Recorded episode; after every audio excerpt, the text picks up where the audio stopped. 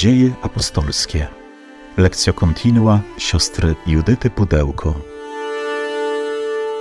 Powracamy do naszego kolejnego fragmentu dziejów apostolskich, trwając też w tym klimacie paschalnym, który nam towarzyszy, który też pomaga nam w zgłębianiu tajemnicy Chrystusa zmartwychwstałego, działającego w Kościele w mocy swego ducha.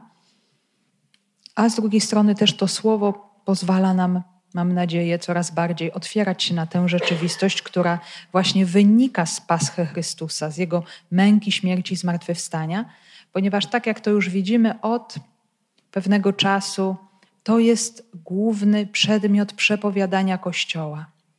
Syn Boży umarł i zmartwychwstał dla naszego zbawienia, i kto przyjmuje ten dar, staje się uczestnikiem nowego życia. I dziś będzie podobnie. To jest właśnie to, co Kościół przepowiadał od samego początku, przepowiada cały czas, i to jest źródłem nowego życia, to jest źródłem wiary, która doprowadza człowieka e, do pełni życia, do wolności, do odwagi takiej, że taki chrześcijanin już z czasem nie boi się tego swojego życia oddać, bo wie, że Chrystus mu dał swoje własne życie.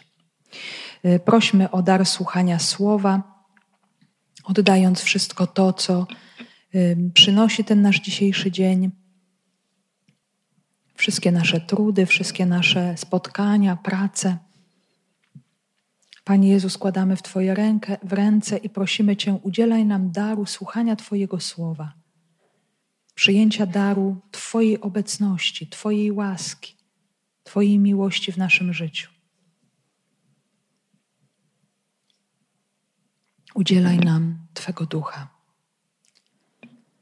Przyjdź o Duchu Święty, przyjdź mocy Boga i słodyczy Boga. Przyjdź Ty, który jesteś poruszeniem i spokojem zarazem. Odnów nasze męstwo wypełnij naszą samotność pośród świata. Czułość z Bogiem. Przyjdź duchu z przebitego boku Chrystusa na krzyż. Przyjdź z wstał. Jesteśmy cały czas w kształtowaniu się wspólnoty jerozolimskiej, która rodzi się, która kształtuje się po zesłaniu Ducha Świętego. To jest ten efekt piorunujący, to jest ten wybuch życia, E, który doprowadza do e, stworzenia, do zrodzenia się e, tej nowej formy życia jeszcze wewnątrz judaizmu. Cały czas też o tym pamiętamy, że Kościół Jerozolimski funkcjonuje jeszcze w ramach judaizmu, bardzo, bardzo zresztą też zróżnicowanego przed zburzeniem drugiej świątyni. I co się dzieje stopniowo? po zesłaniu Ducha Świętego ten Kościół zaczyna tętnić nową jakością, ta wspólnota zaczyna głosić z odwagą, i to głoszenie jest potwierdzane znakami. Y, także za chwilę wrócimy sobie do tego naszego kontekstu y, bezpośredniego, czyli do znaku uzdrowienia człowieka chromego, ale widzimy też, że w tym małym fragmencie tekstu który nam mówi o wspólnocie jerozolimskiej, my mamy nie tylko cuda i znaki i głoszenie, ale mamy również rzeczywistość grzechu, słabości, y, wykroczeniom przeciwko temu wszystkiemu, co y, tutaj zostało tej wspólnocie wyznaczone. Więc to jest też taka sytuacja człowieka i Kościoła wszystkich czasów. O tym sobie nieustannie przypominamy, że człowiek zraniony grzechem pierworodnym nosi w sobie tę ranę y, i ona daje znać od czasu do czasu i wszyscy jesteśmy ludźmi skłonnymi do grzechu do, i do upadku tak czy inaczej. Więc oczywiście tak się zdarza, że y, no, jedni grzeszą w sposób bardziej widoczny, inni w sposób bardziej ukryty, ale wszyscy jesteśmy grzesznikami i y, Słowo Boże nam to pokazuje, że to, że ktoś się staje chrześcijaninem, oczywiście otrzymuje ten dar życia nowego, za którym może iść, jest zaproszony do tego, żeby wybierać życie, wybierać miłość i Chrystusa, ale jednocześnie Słowo Boże daje nam taką ogromną porcję realizmu życiowego. To nie jest jakaś fikcyjna bajka, ale to jest y, słowo pełne prawdy o człowieku i o jego kondycji tu na ziemi, że człowiek, że każdy z nas podlega upadkom, niewłaściwym wyborom, błędom, pomyłkom i o tym Słowo Boże też nam mówi bardzo wyraźnie. No więc kiedy słyszymy te różnego rodzaju ataki, bardzo słuszne niekiedy, słowa o grzeszności Kościoła, to my możemy widzieć tę prawdę już w Słowie Bożym. Oczywiście trzeba z tym grzechem zawsze walczyć, zawsze go wykazywać, wskazywać, że Chrystus zaprasza człowieka do czegoś innego, ale grzeszność jest kondycją Kościoła. Tutaj na ziemi, który zresztą też jest zapraszany do ciągłego nawracania się. I my to będziemy czynić do końca naszego życia pomimo że będziemy cały czas, i myślę, że tak się dzieje, wzrastamy w łasce, dojrzewamy w łasce. Dlaczego? Bo coraz bardziej poznajemy Chrystusa. I to tak naprawdę nas przemienia. Nie nasze wysiłki, nie nasza moc, jak dziś usłyszymy, y, nawet nasza pobożność, to powie nam święty Piotr za chwilę, ale moc Chrystusa przemienia nasze życie powoli i stopniowo, i dlatego przebywanie z Nim, słuchanie Go, poznawanie Go y, wnosi nową jakość y, w naszą codzienność, ale niemniej jednak nie możemy zapominać o tym, że zawsze pozostajemy grzesznikami, ludźmi skłonnymi do grzechów, upadków, słabości. I właśnie takich ludzi grzesznych, słabych Chrystus zaprasza, y, żeby z nas uczynić swoich apostołów, żebyśmy byli świadkami Jego zmartwychwstania. Więc taka jest geneza Kościoła, który opiera się, zobaczcie, na ludziach bardzo słabych i grzesznych. Na czele tego Kościoła stoi Piotr, ten, który się y, sprzeniewierzył najbardziej ze wszystkich. No, może na tym samym poziomie, tak podobnie jak Judasz.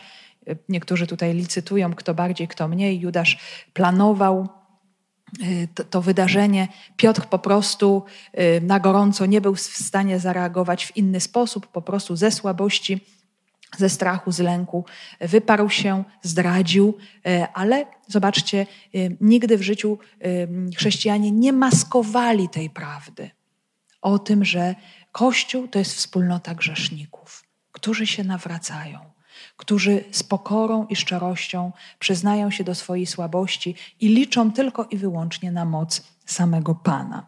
Więc o tym grzechu w Kościele też będziemy e, mówić tutaj i czytać i oglądać, jak on tutaj jest e, podejmowany, e, co wspólnota czyni wobec rzeczywistości grzechu. I nasz kontekst, w którym się obecnie znajdujemy, to oczywiście cały czas cała, możemy powiedzieć, taka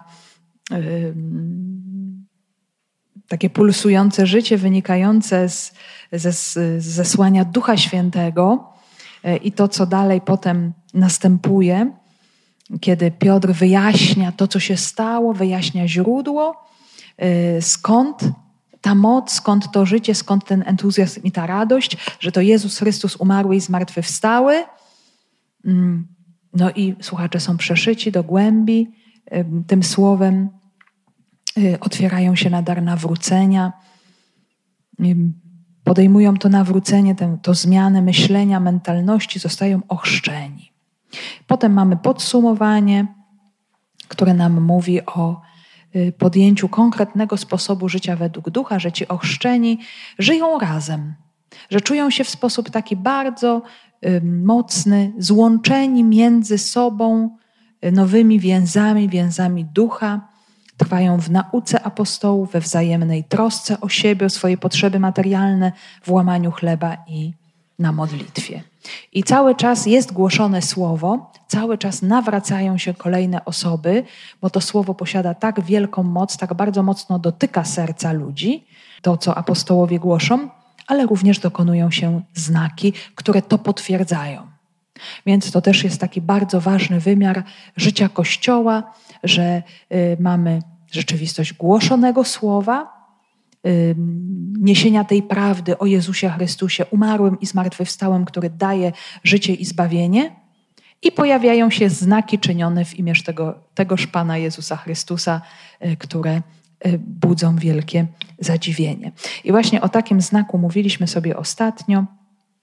Y, ten znak dokonuje się w pobliżu świątyni, przed bramą piękną, na dziedzińcu Pogan.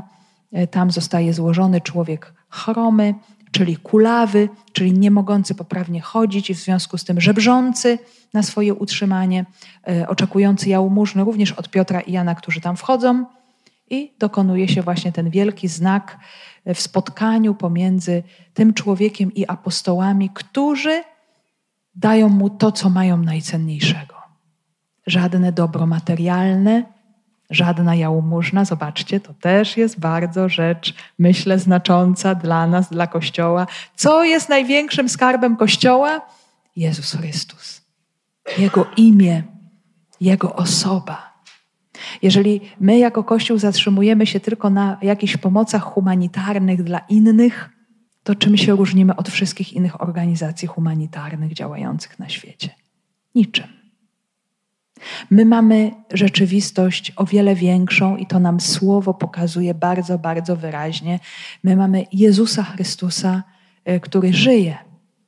I wszystko zależy od tego, w jaki sposób e, przyjmujemy ten dar, w jaki sposób wierzymy, jak potrafimy też to głosić, komunikować naszym życiem, e, pokazywać, no może w zupełnie zwyczajny sposób, tę naszą tożsamość, kim jesteśmy że to jest dla nas największy skarb naszego życia. Nie złoto i srebro, jak tutaj Piotr powiedział, ale imię Jezusa Chrystusa, który daje życie. Bo moi drodzy, wszystkie te rzeczy doczesne przeminą. Choćbyśmy y, otrzymywali dobra takie czy nie inne, ziemskie, ratowali nawet swoje życie i zdrowie, to i tak wiemy doskonale, że to przemija ostatecznie. Ale jest takie życie, które nie przemija. I teraz wszystko zależy od nas, od naszej dyspozycji wiary, czy my chcemy to życie przyjąć, a przyjmując to życie, czy je odkrywamy w takim stopniu, żeby, je, żeby o tym życiu mówić innym. Że jest coś y, absolutnie przekraczającego wszystkie dobra y, i wspaniałości, które są na tej ziemi które się zresztą kończą. I człowiek może się czasami nakręcać i latać tu, i latać tam, i, i zdobywać to i tamto. No i mamy tutaj oczywiście działać i pracować na tym świecie, ale myślę, że z czasem odkrywamy, że to wszystko i tak przemija, że to wszystko i tak się kończy. No więc za czym jest tak naprawdę warto biec w tym życiu? No, myślę, że warto jest sobie postawić to pytanie od czasu do czasu nie? co jest celem mojego życia, o co się najbardziej ubiegam w moim życiu. I, i to świadectwo, to właśnie skoncentrowanie życia na tym, co jest najistotniejsze, to było cechą charakterystyczną pierwotnej wspólnoty chrześcijańskiej, która naprawdę tym żyła i dzięki temu Kościół się rozwijał E, i, się pomnażał bardzo mocno i bardzo szybko i bardzo intensywnie też. Więc, e, więc Piotr przekazuje słowo mocy i wiary w imię Jezusa Chrystusa. Dziś jeszcze sobie będziemy mówić o tej mocy imienia Jezusa, bo Piotr będzie musiał wyjaśnić, co, co się stało. Bo człowiek choromy, kulawy zostaje uzdrowiony. Ten opis jest taki piękny, bardzo poruszający, ponieważ ten człowiek wstaje, zrywa się, zaczyna chodzić, co więcej, zaczyna skakać, zaczyna wielbić Boga. Czyli dokonuje się coś w jego ciele, ale również dokonuje się coś w jego duchu. Bo tak jak sobie mówiliśmy ostatnio, e, ludzie e, okaleczeni, kulawi, chromi, zniekształceni nie mogli brać udziału w liturgii, nie mogli wejść do świątyni. Czyli ten człowiek był po prostu skazany na wykluczenie, na biedę, na nędzę, na jakąś samotność, na właśnie takie żebracze życie. A Jezus jest tym, który przywraca nas do wspólnoty, daje nam pełnię życia. I ten człowiek mógł tego doświadczyć. Skoro on był choromy od urodzenia, to najprawdopodobniej nigdy w życiu w tej świątyni nie był. Czyli to był pierwszy raz, kiedy on wszedł do świątyni. Kiedy mógł, y, zobaczcie, latami leżał przy tej bramie i nie mógł jej przekroczyć. Miał to ograniczenie, które go hamowało, i czasami tak może być w życiu każdego z nas, że jest coś w naszym życiu, co nas blokuje, co nas ogranicza do pewnego momentu, do pewnego czasu, i potem to się zmienia. Jezus nas przeprowadza y, do jakiegoś nowego etapu, to się zmienia, y, otwiera nas na nowe życie i możemy już uczestniczyć w nowy sposób właśnie w życiu wspólnoty Kościoła.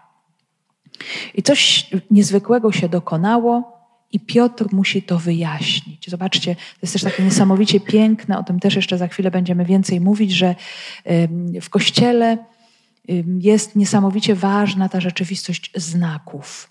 To jest znak. To jest konkretna rzeczywistość, która się dokonała, ale ona nie jest celem sama w sobie.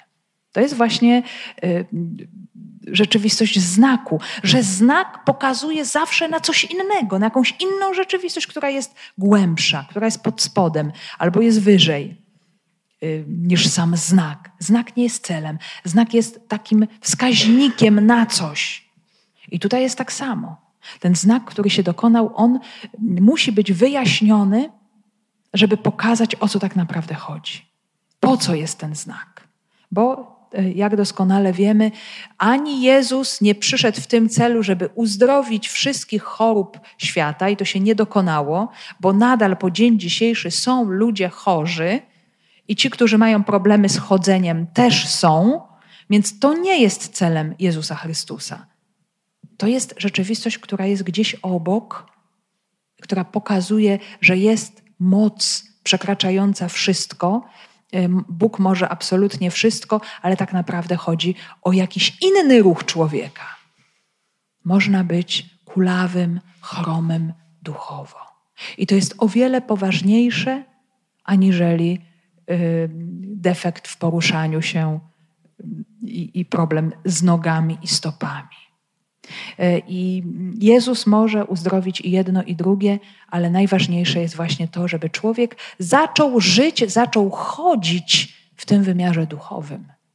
E, czyli żeby wyszedł z bezruchu śmierci, e, z jakiegoś marazmu, z apatii, z zamknięcia. Do tego właśnie Jezus zaprasza człowieka. No i lud oczywiście jest zadziwiony i potrzebuje wyjaśnienia znaku, co nam y, pokazuje właśnie to słowo. Z dziejów apostolskich.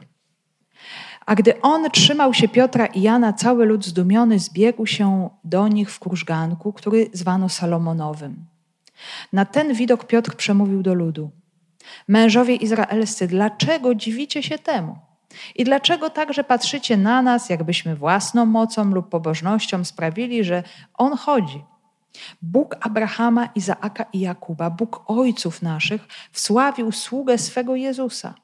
Wy jednak wydaliście go i zaparliście się go przed Piłatem, który, gdy postanowił go uwolnić. Zaparliście się świętego i sprawiedliwego, a wy prosiliście ułaskawienie dla zabójcy. Zabiliście dawcę życia, ale Bóg podniósł go z martwych, czego my jesteśmy świadkami i przez wiarę w Jego imię temu człowiekowi, którego oglądacie i którego znacie, imię to przywróciło siły. Wiara wzbudzona przez Niego dała mu tę pełnię sił, którą wszyscy widzicie. Y, mamy znów fragment mowy świętego Piotra, także widzimy, że po zesłaniu Ducha Świętego Piotr się stał wielkim mówcą, nieustannie przemawia, chwila po chwili. Y, to jest jego właśnie kolejna mowa karygmatyczna, prowadząca do wiary, y, wyjaśniająca znak, tak jak wyjaśniał wcześniej znak zesłania ducha y, mieszkańcom czy przybywającym w Jerozolimie Żydom, tak teraz również tym, którzy byli wtedy w świątyni, tłumaczy to, co się stało i tym tłumaczeniem prowadzi do osoby Jezusa. I mamy tutaj tekst nieco dłuższy, cały ten fragment mowy Piotra, to są wersety od 11 do 26. E, ale my dziś przyjrzymy się pierwszej części, czyli od wersetu 11 do 16, gdzie zobaczymy właśnie e, wyjaśnienie Piotra, który będzie się starał mm, zapobiec niewłaściwemu zrozumieniu. Będzie oczywiście karygmat ogłoszenia tajemnicy Jezusa Chrystusa i będzie mowa też o roli wiary. Potem oczywiście będzie, będzie ta część praktyczna, tak jak to było w pierwszej mowie Piotra, czyli bardzo konkretne zaproszenie do nawrócenia, też poparte słowami pisma. Cały czas Piotr będzie się do tego słowa, do pisma odwoływał, pokazując, że w Jezusie to pismo się wypełnia. A gdy on trzymał się Piotra i Jana, cały lud zdumiony zbiegł się do nich w krużganku, którego zwano Salomonowym. Dlaczego to się dzieje? Dlatego to się dzieje, że Piotr, jak wiemy, z Janem idą do świątyni, czyli przechodzą przez te kolejne dziedzińce, czyli przechodzą przez dziedziniec, przez pierwszą bramę, są na dziedzińcu Pogan, tam się zbliżają do bramy pięknej, która prowadzi na dziedziniec Izraela i tym pierwszym dziedzińcem Izraela był dziedziniec kobiet. I tam właśnie następuje spotkanie z Chromem i uzdrowienie go. I on razem z nimi w podskokach przechodzi dalej przez bramę piękną, wchodzi na dziedziniec kobiet i pewnie dalej przez bramę Nikanora wchodzi na dziedziniec mężczyzn izraelskich. No i tak jak to mówi nam e, święty Łukasz, czyni on to z wielkim entuzjazmem i rozmachem, czyli wielbi Boga na głos, podskakuje, biega i pewnie krzyczy i wszyscy mu się przyglądają, więc e, krąg ludzi, którzy dowiadują się o tym, co się stało, się poszerza. A że pewnie też byli tam liczni bywalcy świątyni jerozolimskiej, ci, którzy przybywali tam często, więc ten człowiek został zidentyfikowany rozpoznali go i po prostu chcieli się dowiedzieć, co się stało. Dlaczego ten człowiek, który od urodzenia miał niesprawne nogi czy stopy, czy nie, czy nie mógł chodzić, tylko żebrał, dlaczego on teraz skacze, krzycza, krzyczy i woła? Cóż takiego się stało? Ludzie są zadziwieni i chcą się dowiedzieć. E, więc po modlitwie, nie wiemy ile oni tam w tej świątyni byli, e, czy uczestniczyli w jakiejś modlitwie. Mówiliśmy sobie też o tym, że to była godzina szósta, czyli godzina piętnasta e, nasza, czyli to jest czas wieczornej ofiary codziennej, czyli całopalenia z baranka. Były te dwa całopalenia, jedna, jedno rano, drugie wieczorem. Ta ofiara ustawiczna, e, spalana dla Boga każdego dnia. E, więc być może uczestniczyli w tej modlitwie, e, patrzyli z daleka, jak kapłan ofiaruje tego baranka. Na pewno Piotr i Jan myśleli sobie w tym momencie o ofierze Chrystusa, bo on jest tym właśnie barankiem paschalnym, realizującym te wszystkie ofiary Izraela w całej pełni i pewnie dziękowali Bogu za to, że jak wielkie rzeczy się dokonują e, właśnie przez ofiarę tą jedyną, niepowtarzalną ofiarę Chrystusa.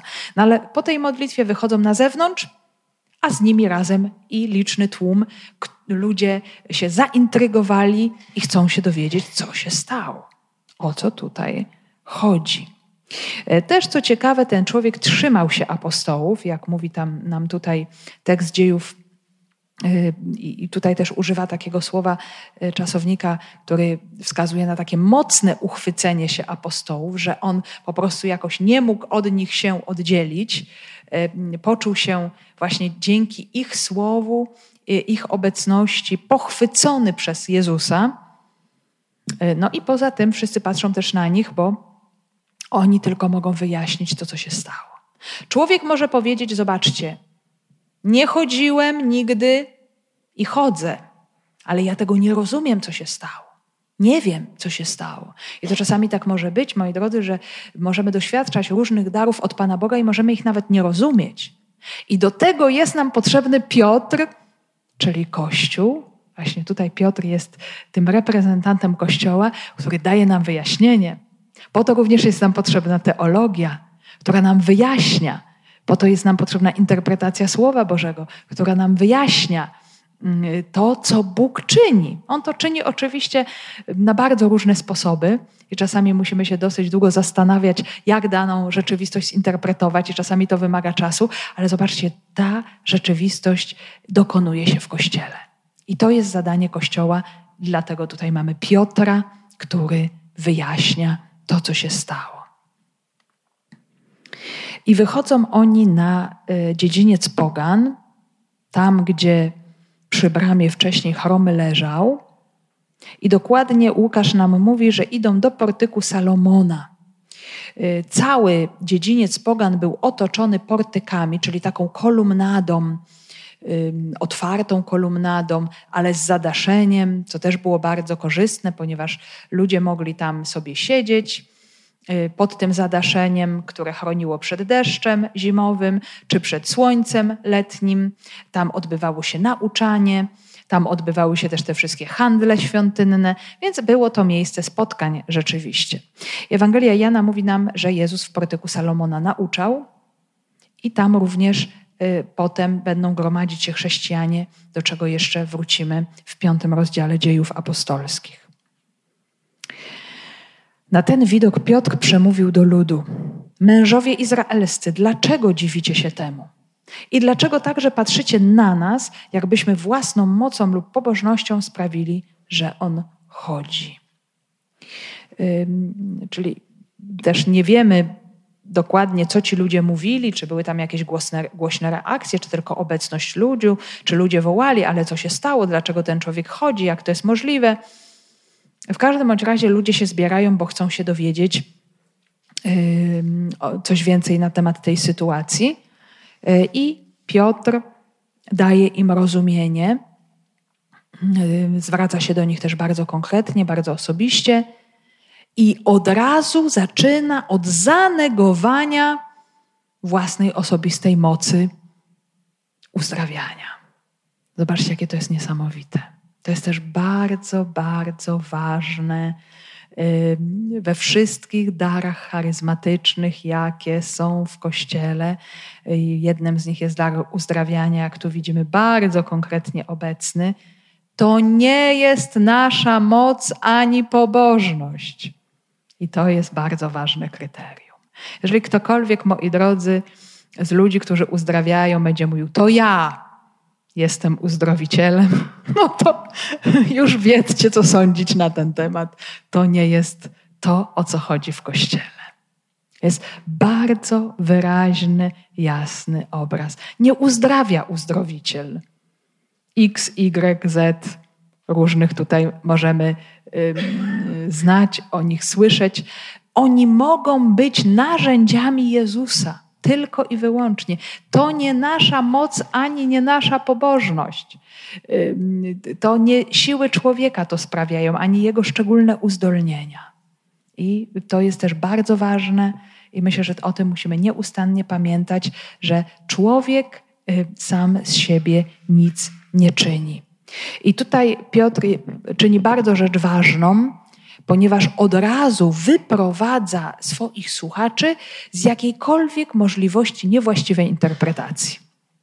No, to jest bardzo, zobaczcie, mądre, bo czasami to może być tak, że pewne sytuacje niezwykłe i piękne, zanim zostaną wyjaśnione, zrobią tyle zamieszania, że już potem jest to bardzo trudno odkręcić. Już człowiek nie wie kompletnie, co myśleć o danym wydarzeniu. Czy to z Boga, czy to nie z Boga, czy to od ludzi, a może od złego ducha.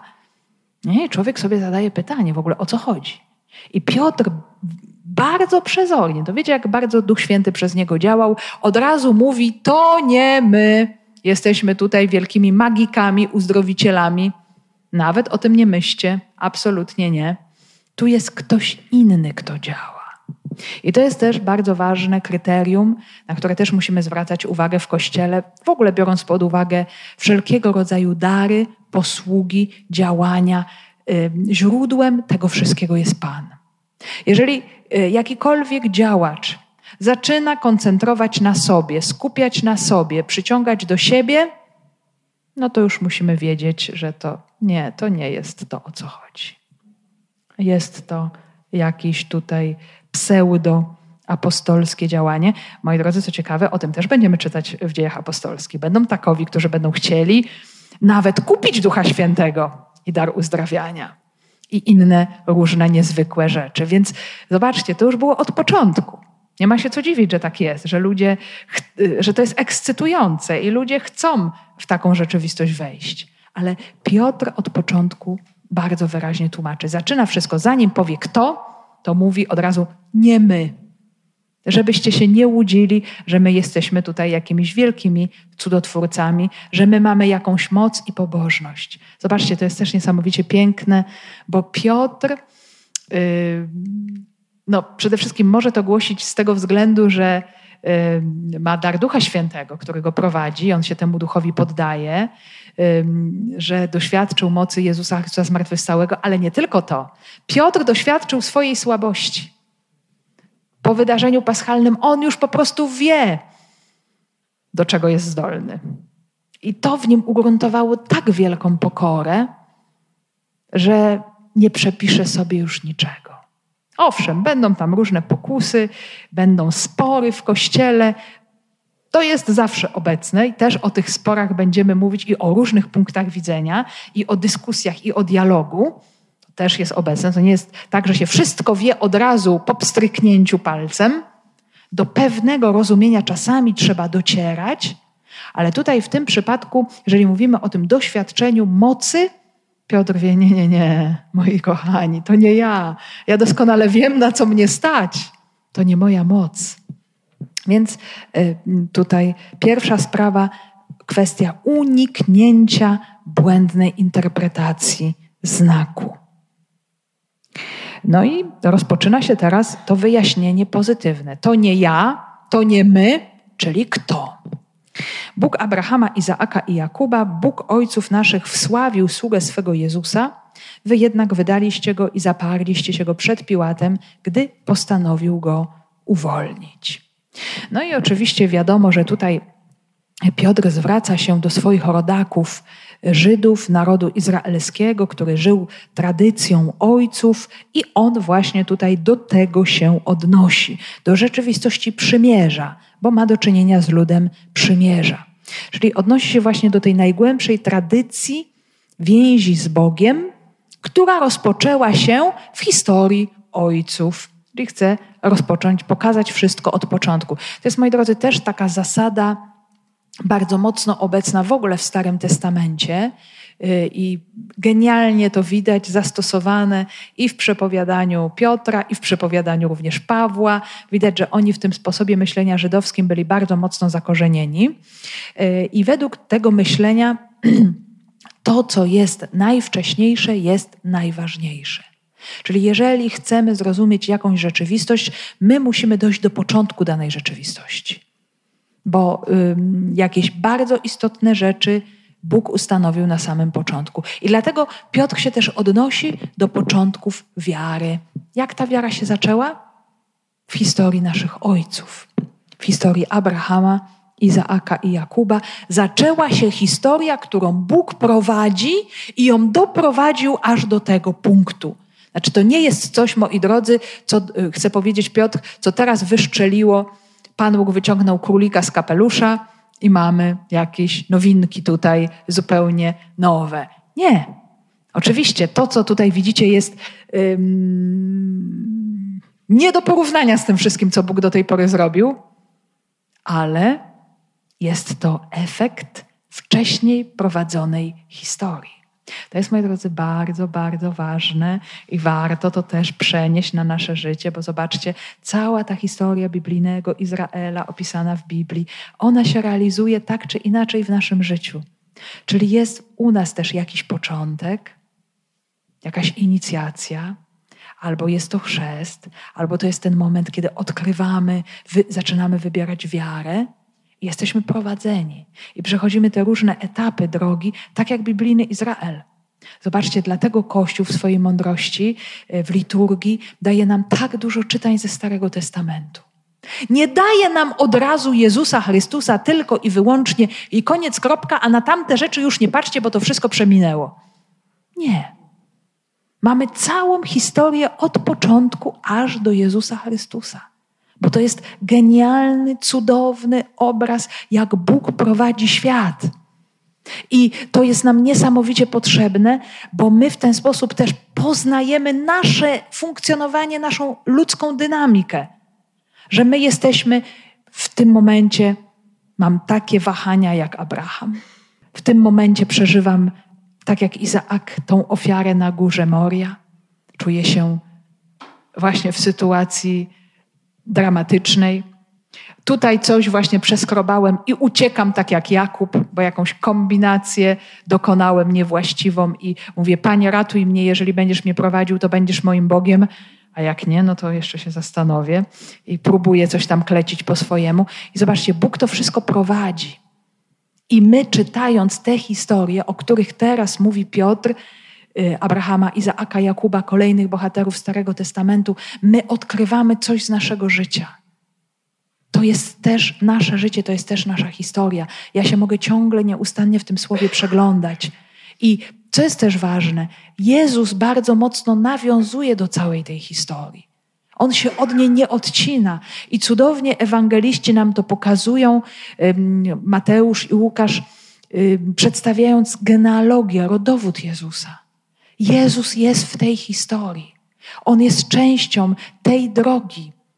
I my również mamy naszą historię, w której jesteśmy prowadzeni, przeżywamy bardzo różne etapy. Nie od razu już jest wszystko, możemy powiedzieć, wypełnione, skończone, że od razu Duch Święty na nas stępuje i po prostu świecimy charyzmatami i czynimy cuda.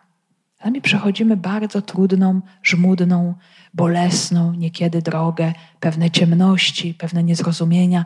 Ta droga Starego Testamentu też jest w jakimś stopniu obecna w nas, w nas chociaż już jesteśmy ochrzczeni. I, I to jest właśnie ważne, żeby tutaj to zobaczyć, żeby to wybrzmiało, że ta droga Starego Testamentu jest tutaj mocno podkreślona, że to był proces, który Bóg rozpoczął. Bóg prowadzi z nami pewną historię, która trwa. Oczywiście są czasami takie ewenementy, y, tacy święci, że się to dokonuje pum. W błysku jednym zostają uświęceni. No jest dla nich taka droga. Ale w większości przypadków jest to długi, żmudny proces życia, w którym Bóg nas spotyka, On nas szuka i chce dotrzeć do naszego serca i nas przemieniać. I dlatego też właśnie tutaj Piotr o tym procesie mówi o tym, że ta historia jest stopniowo prowadzona. Y, czyli to jest ten sam Bóg, chce powiedzieć Piotr. To jest ten sam, który prowadził Abrahama, Izaaka, Jakuba, kolejnych ojców, o których tutaj jeszcze nie ma mowy. Y, Mojżesz, Dawid, ci byli szczególnie ważni w tej historii. I cała ta historia stopniowo prowadzi do Jezusa. Są te wszystkie obietnice, zapowiedzi. A Jezus jest tutaj nazwany sługą Boga, sługa Jego, sługa y, swego, Jezusa. Y, I to słowo sługa, ono jest takie też wieloznaczne, bardzo piękne, bo to greckie słowo pais oznacza sługę i może też oznaczać syna, chłopca. Y, więc to oczywiście nam nawiązuje do synostwa Bożego Jezusa, ale też do tego, że jest on sługą pańskim. Tym sługą pańskim opisanym w księdze Izajasza, zwłaszcza rozdziały 52-53 pokazują nam sługę cierpiącego, który przyjmuje na siebie cały ciężar grzechu ludu, aby ten lud ocalić. I to też chce nam tutaj Piotr pokazać. Jest właśnie ta historia, jest ta droga, jest ten sługa, ale jednocześnie zostaje on odrzucony.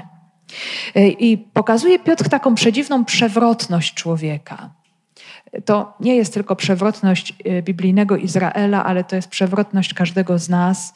Niestety to jest skutek naszego grzechu, skażenia grzechem, że y, ten lud przymierza, który to przymierze otrzymał, tę obietnicę otrzymał, w momencie, kiedy to się realizuje, ten lud to odrzuca i nie chce przyjąć tego daru. Nawet wręcz paradoksalnie, kiedy prefekt znienawidzonych Rzymian próbuje Jezusa uwolnić, bo widzi, że to jest jakieś straszne nieporozumienie, ten lud absolutnie nie chce do tego dopuścić. Uwolnij nam Barabasza, właśnie zaraz, zaraz do tego nawiąże, a na krzyż z nim. Y, ale Bóg potrafi sobie z tym doskonale poradzić. Bo nawet ta sytuacja odrzucenia, ona staje się i to jest paradoks krzyża, moi drodzy, czego się nie da normalnie po ludzku wytłumaczyć, bo z perspektywy ludzkiej oceny to tak nie wygląda. Ale z perspektywy Bożej oceny, zobaczcie, ta rzeczywistość tej śmierci, tego wydania, tego odrzucenia jest chwałą. I to jest to samo, e, co, moi drodzy, dokonuje się w życiu męczenników. W dzisiejszym świecie męczennicy to jest Chrystus wydany i ukrzyżowany. I oni w samym fakcie tego, co się dzieje, oni już doznają y, ogromnej, niesamowitej chwały. Są niesamowicie czczeni w Kościele, jako ci, w których ta śmierć Chrystusa się objawiła w całej pełni. Natomiast Jezus jest oczywiście tutaj wzorem wszelkiego męczeństwa i y, oddania tego życia, I, I co jest tutaj też dla nas ważne, że Jezus to czyni w takiej postawie całkowitego zaufania Ojcu. Że Jezus w tej sytuacji tego wydania, odrzucenia, on pozostaje tym sługą Ojca, tym, który temu ojcu, ufa. I jednocześnie też, przyjmując tę śmierć, objawia prawdę o Ojcu, który jest miłością. To jest, moi drodzy, chyba najtrudniejsza rzeczywistość obok miłości nieprzyjaciół w chrześcijaństwie. Y, to jest to, co może dokonać w nas jedynie Duch Święty, co przekracza nasze ludzkie siły, a mianowicie to jest ta rzeczywistość y, totalnej ufności w momencie krzyża. To jest właśnie postawa Jezusa, który cierpiał i to wyrażał, że cierpi, a jednocześnie w pełnej ufności powierzał się Bogu. Bo pierwszą ludzką reakcją w takiej sytuacji jest: Boże, opuściłeś mnie. Jezus mówi oczywiście o tym opuszczeniu, ale od razu przechodzi do tej ogromnej postawy ufności, zaufania. Nie wchodzi w rzeczywistość jakiejś rozpaczy, dramatu. Dlaczego? No bo właśnie on żyje miłością Ojca i nam to w tym momencie swojej śmierci pokazuje. To, co grzech w nas zniekształcił, grzech w nas zniekształcił, o czym mówiliśmy sobie wielokrotnie, obraz Boga. I kiedy przychodzi rzeczywistość cierpienia, pierwszą reakcją naszego zranionego wewnętrznie człowieka, tego wewnętrznego jest Bóg mnie nie kocha, Bóg mnie odrzuca. Bóg jest przeciwko mnie. A tymczasem Jezus pokazuje coś zupełnie innego. W rzeczywistości krzyża pokazuje zaufanie do końca i prawdy o Ojcu, który jest miłością. I Piotr tutaj bardzo mocno jeszcze dalej e, pokazuje no, absurdalny kontrast pomiędzy dwiema osobami. Zaparliście się świętego i sprawiedliwego, a wy prosiliście ułaskawienie dla zabójcy. I no oczywiście to się wydaje być rzeczą absurdalną, bo człowiek normalnie, generalnie zawsze y, rozsądnie działając, nawet tylko na płaszczyźnie swojego rozumu, wybiera dobro i odrzuca zło. Ale y, Piotr pokazuje, co grzech potrafi uczynić z człowiekiem i co czyni z nami. Czyli zamazuje nam po prostu rzeczywistość, rozumienie pewnych rzeczy, interpretację wydarzeń. Czyli e, warto jest to sobie wkalkulować do swojego myślenia, aha, ponieważ jestem człowiekiem skażonym grzechem, więc może tak być, że ja daną sytuację ocenię niewłaściwie. No I sobie mówię, to jest tak, tak, tak, tak, tak, już tworzę sobie całą swoją tu narrację, interpretację, to tak, to siak, to on, a warto się zacząć stop, stop, stop. A może ja oceniam niewłaściwie? Tak jak ci ludzie? No może y, właśnie ta siła grzechu może działać w człowieku tak i tak działa, że dobro nazywa złem, ukrzyżuj go, zniszcz go, nie chcemy go widzieć, chcemy go usunąć, a zło nazywa dobrem, uwolnij nam Barabasza. I to oczywiście my tu, zobaczcie, mówimy o pewnej konkretnej sytuacji, która się dokonała w momencie procesu Jezusa. Ale to jest y, taki wzorzec, taki paradygmat, w jaki sposób siła grzechu działa w człowieku. To jest nie tylko problem tych, którzy tam wtedy stali na tym dziedzińcu i krzyczeli i wrzeszczeli: Ukrzyżuj go i uwolnij nam Barabasza. To jest nasza sprawa.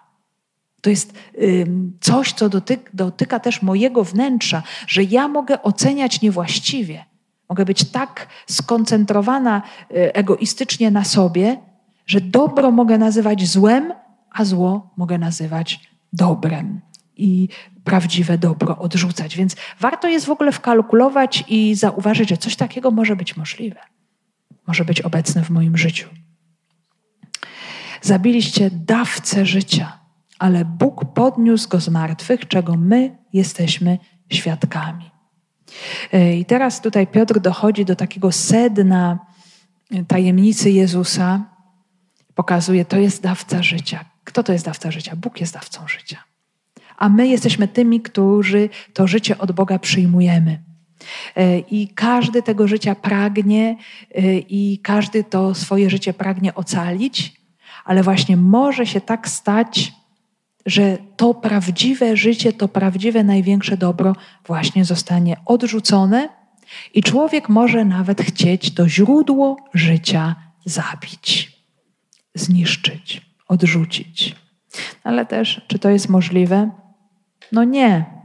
I to jest właśnie ten niesamowity y, cud objawiony w karygmacie Kościoła. Że na największe zło człowieka, którego się dopuścił w ogóle w historii świata, czyli na zabicie Boga, Bóg odpowiada największym możliwym dobrem, czyli zmartwychwstaniem i przekazaniem tego daru nam, grzesznikom. I tylko Bóg tak może.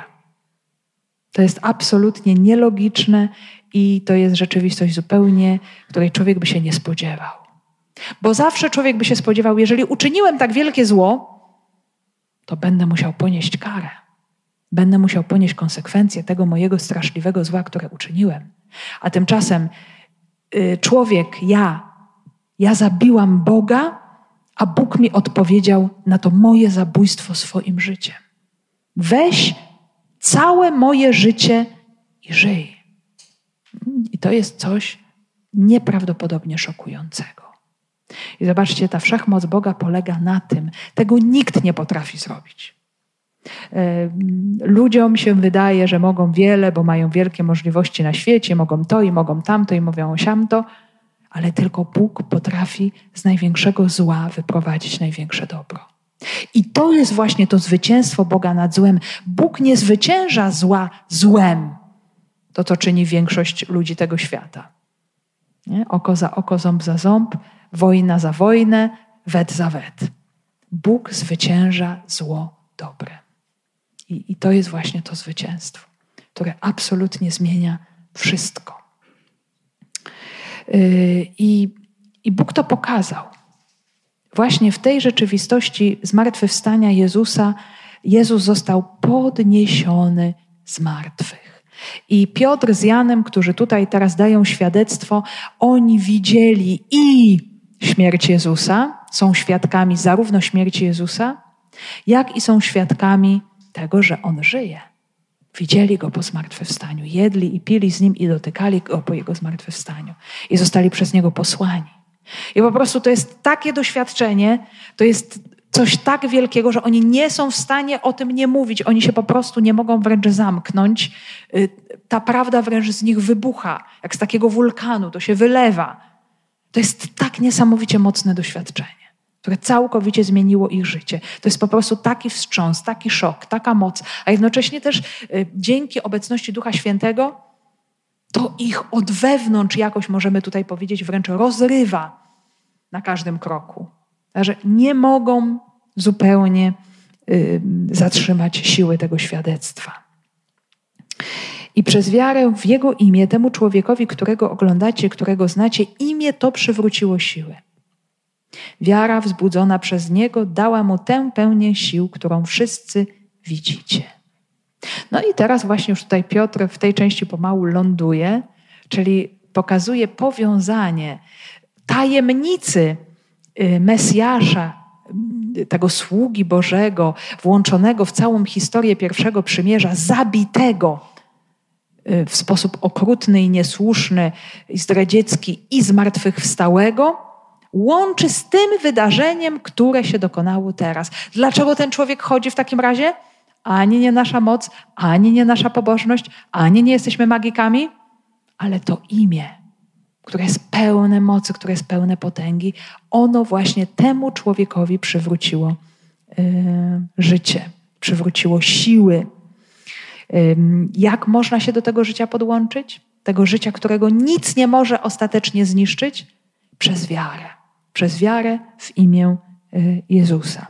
I tutaj my możemy też to na bardzo różne sposoby rozumieć, zobaczcie, bo z jednej strony wiara w Jego imię to może być wiara, którą daje Jego imię. Czyli co to znaczy? Że ja poznaję Jezusa, poznaję, kim on jest, całą jego historię, ten cały karygmat studiuję, otwieram się, zgłębiam, rozważam od samego początku y, to, kim on jest, co uczynił dla mnie i co znaczy właśnie to jego imię.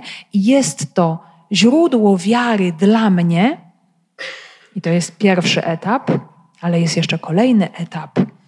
Y, to jest wiara, która działa przez Jego imię. Czyli teraz ja, która uwierzyłam, przez to Jego imię przekazuje wiarę innym. Ogłaszając Jego osobę, to Jego imię może budzić wiarę w innym. I to się właśnie dokonało w tej sytuacji, że Piotr i Jan, mając już tą wiarę w imię Jezusa, czyli przyjmując i mając tę pewność, że Bóg działa przez Jego osobę nieustannie, bo Jezus jest żywy, dokonali tego znaku, który ostatecznie zaowocował wiarą tego uzdrowionego człowieka. I to jest właśnie ta wiara w Jego imię. Przywraca siły, ale też rodzi wiarę w Nim samym. Także to jest to imię, które jest pełne mocy. Zresztą też, to już o tym mówiliśmy wielokrotnie, w tej mentalności żydowskiej. Imię to jest tajemnica osoby, to jest jej tożsamość. To jest to, to najgłębsze, jakim ta osoba jest. I moi drodzy, to do tego tutaj jest potrzebna właśnie ta głęboka, osobista więź z Jezusem. Jeżeli chcemy, żeby On w naszym życiu działał, mm, żeby to Jego działanie było e, obecne, widoczne, to potrzeba właśnie wiary w Jego imię, czyli mojej bliskiej relacji z Nim, więzi z Nim. Mm, a to się właśnie też dokonuje przez wiarę. I tutaj mamy taki piękny przykład. Y, lubimy sobie łączyć też dzieje apostolskie z Ewangelią Łukasza, y, bo to jest ten sam autor, bo to są y, często podobne motywy, elementy teologiczne czy przykłady. I mnie tak osobiście ta wiara w imię bardzo mocno połączyła się z rzeczywistością dobrego Łotra. To jest takie bardzo Łukaszowe też. Jedynie Łukasz właśnie mówi o tym wydarzeniu. Y, kiedy ten człowiek przeżywa y, swoją udrękę. Nie wiemy, kim był, nie wiemy, co uczynił, wiemy tylko tyle, że miał świadomość zła, które uczynił w swoim życiu. Wiedział, że słusznie ponosi karę y, i konał w męczarniach jeszcze dłużej niż Jezus, był mniej storturowany niż Jezus, więc oni, y, ci dwaj łotrowie, oni dłużej się męczyli na tych krzyżach. Jezus umarł szybciej niż oni. Ale właśnie w tym doświadczeniu zobaczcie końcówki swojego życia, gdzie no, człowiek może rzeczywiście wpaść w rozpacz, y, doświadczyć dramatu przegranego życia. I co mi z tego życia? Co ja osiągnąłem, kiedy ja to życie kończę w sposób tak tragiczny? Mm, ze świadomością dokonanego zła. Co ja teraz mogę? I on zrobił właśnie to, o czym mówi tutaj święty Piotr. Uchwycił się tego imienia. To jest właśnie rzecz niesamowita, to nie jest też częste. Zobaczcie w Ewangeliach, żeby ludzie mówili do Jezusa po imieniu. Czasami się zdarza i to byli zazwyczaj ludzie właśnie potrzebujący, chorzy, cierpiący. Inni, którzy dyskutowali z Jezusem, mówili do niego nauczycielu, rabbi, no, takimi właśnie bardzo oficjalnymi terminami. Natomiast tutaj ten łotr, który może spotkał Jezusa pierwszy raz w życiu i spędził z nim kilka godzin. Nie wiemy, od którego momentu oni się tam pojawili, od kiedy się spotkali, że to był ten moment już rozpoczęcia drogi krzyżowej, że tamtych dwóch wywlekli z więzienia, już byli skazani na śmierć, zostali wywleczeni. Każdy dostał swoją belkę na kark, no i razem się po prostu wlekli na to miejsce egzekucji, na to miejsce czaszki. Razem byli krzyżowani. Jezus był w ich towarzystwie, był pośrodku nich. Także spędzili tylko kilka godzin ze sobą. I ten człowiek, nie wiemy dlaczego, być może widząc, w jaki sposób Jezus cierpi, w jaki sposób Jezus odchodzi, w jaki sposób Jezus się modli, że nie bluźni, nie przeklina, nie złorzeczy, mówi słowa przebaczenia, modli się nieustannie do Ojca, był tym wstrząśnięty. To nie jest normalne, mógł sobie pomyśleć, że on tak umiera. To jest niezwykłe. I to krótkie przebywanie z Jezusem zrodziło w tym człowieku co? Wiarę w Jego imię. Jezu, Jezu powiedział do niego po imieniu, chociaż tłum szalał i szydził y, i przeklinał i wyśmiewał y, i atmosfera była straszna. Zobaczcie, on w tym momencie wydobył to imię. Chociaż wszyscy się śmiali, mówili, o Mesjasz, król żydowski, jaki to król, niech zejdzie z krzyża, uwierzymy w niego. On nie powiedział królu. Nie powiedział królu żydowski, ale dotarł do mocy tego imienia. Jezu, wspomnij na mnie, gdy przyjdziesz do swego królestwa. I zobaczcie, co się stało.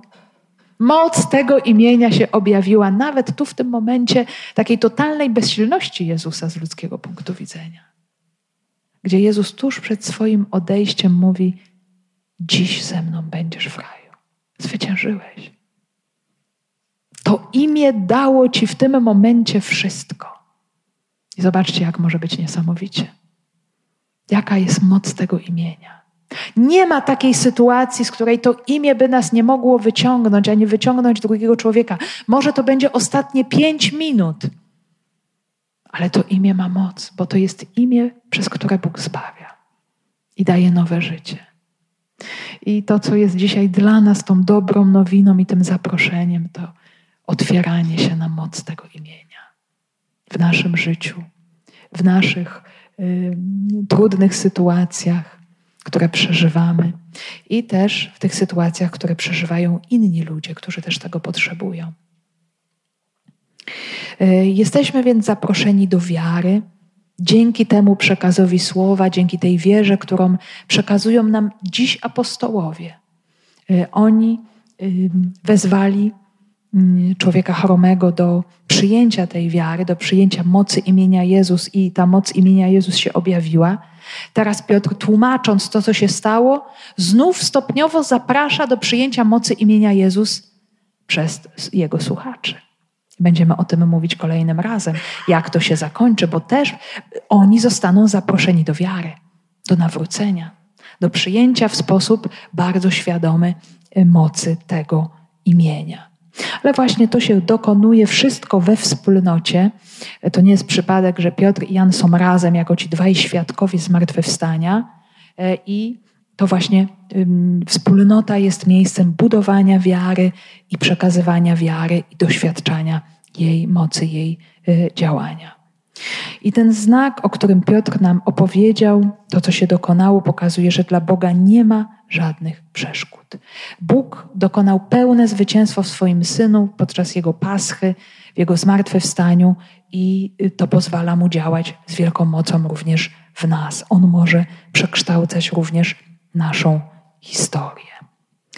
Więc możemy, moi drodzy, w naszej refleksji się zatrzymać nad tym, jaka jest moja więź z imieniem Jezus, moja wiara w Jego imię, moje doświadczenie mocy tego imienia już obecne w moim życiu i też to, do czego jestem zaproszony, żeby tę więź z Jezusem nieustannie umacniać, też po to, żeby inni ludzie, którzy są obok mnie, mogli moc tego imienia, e, miłość i zbawienie Jezusa przyjąć.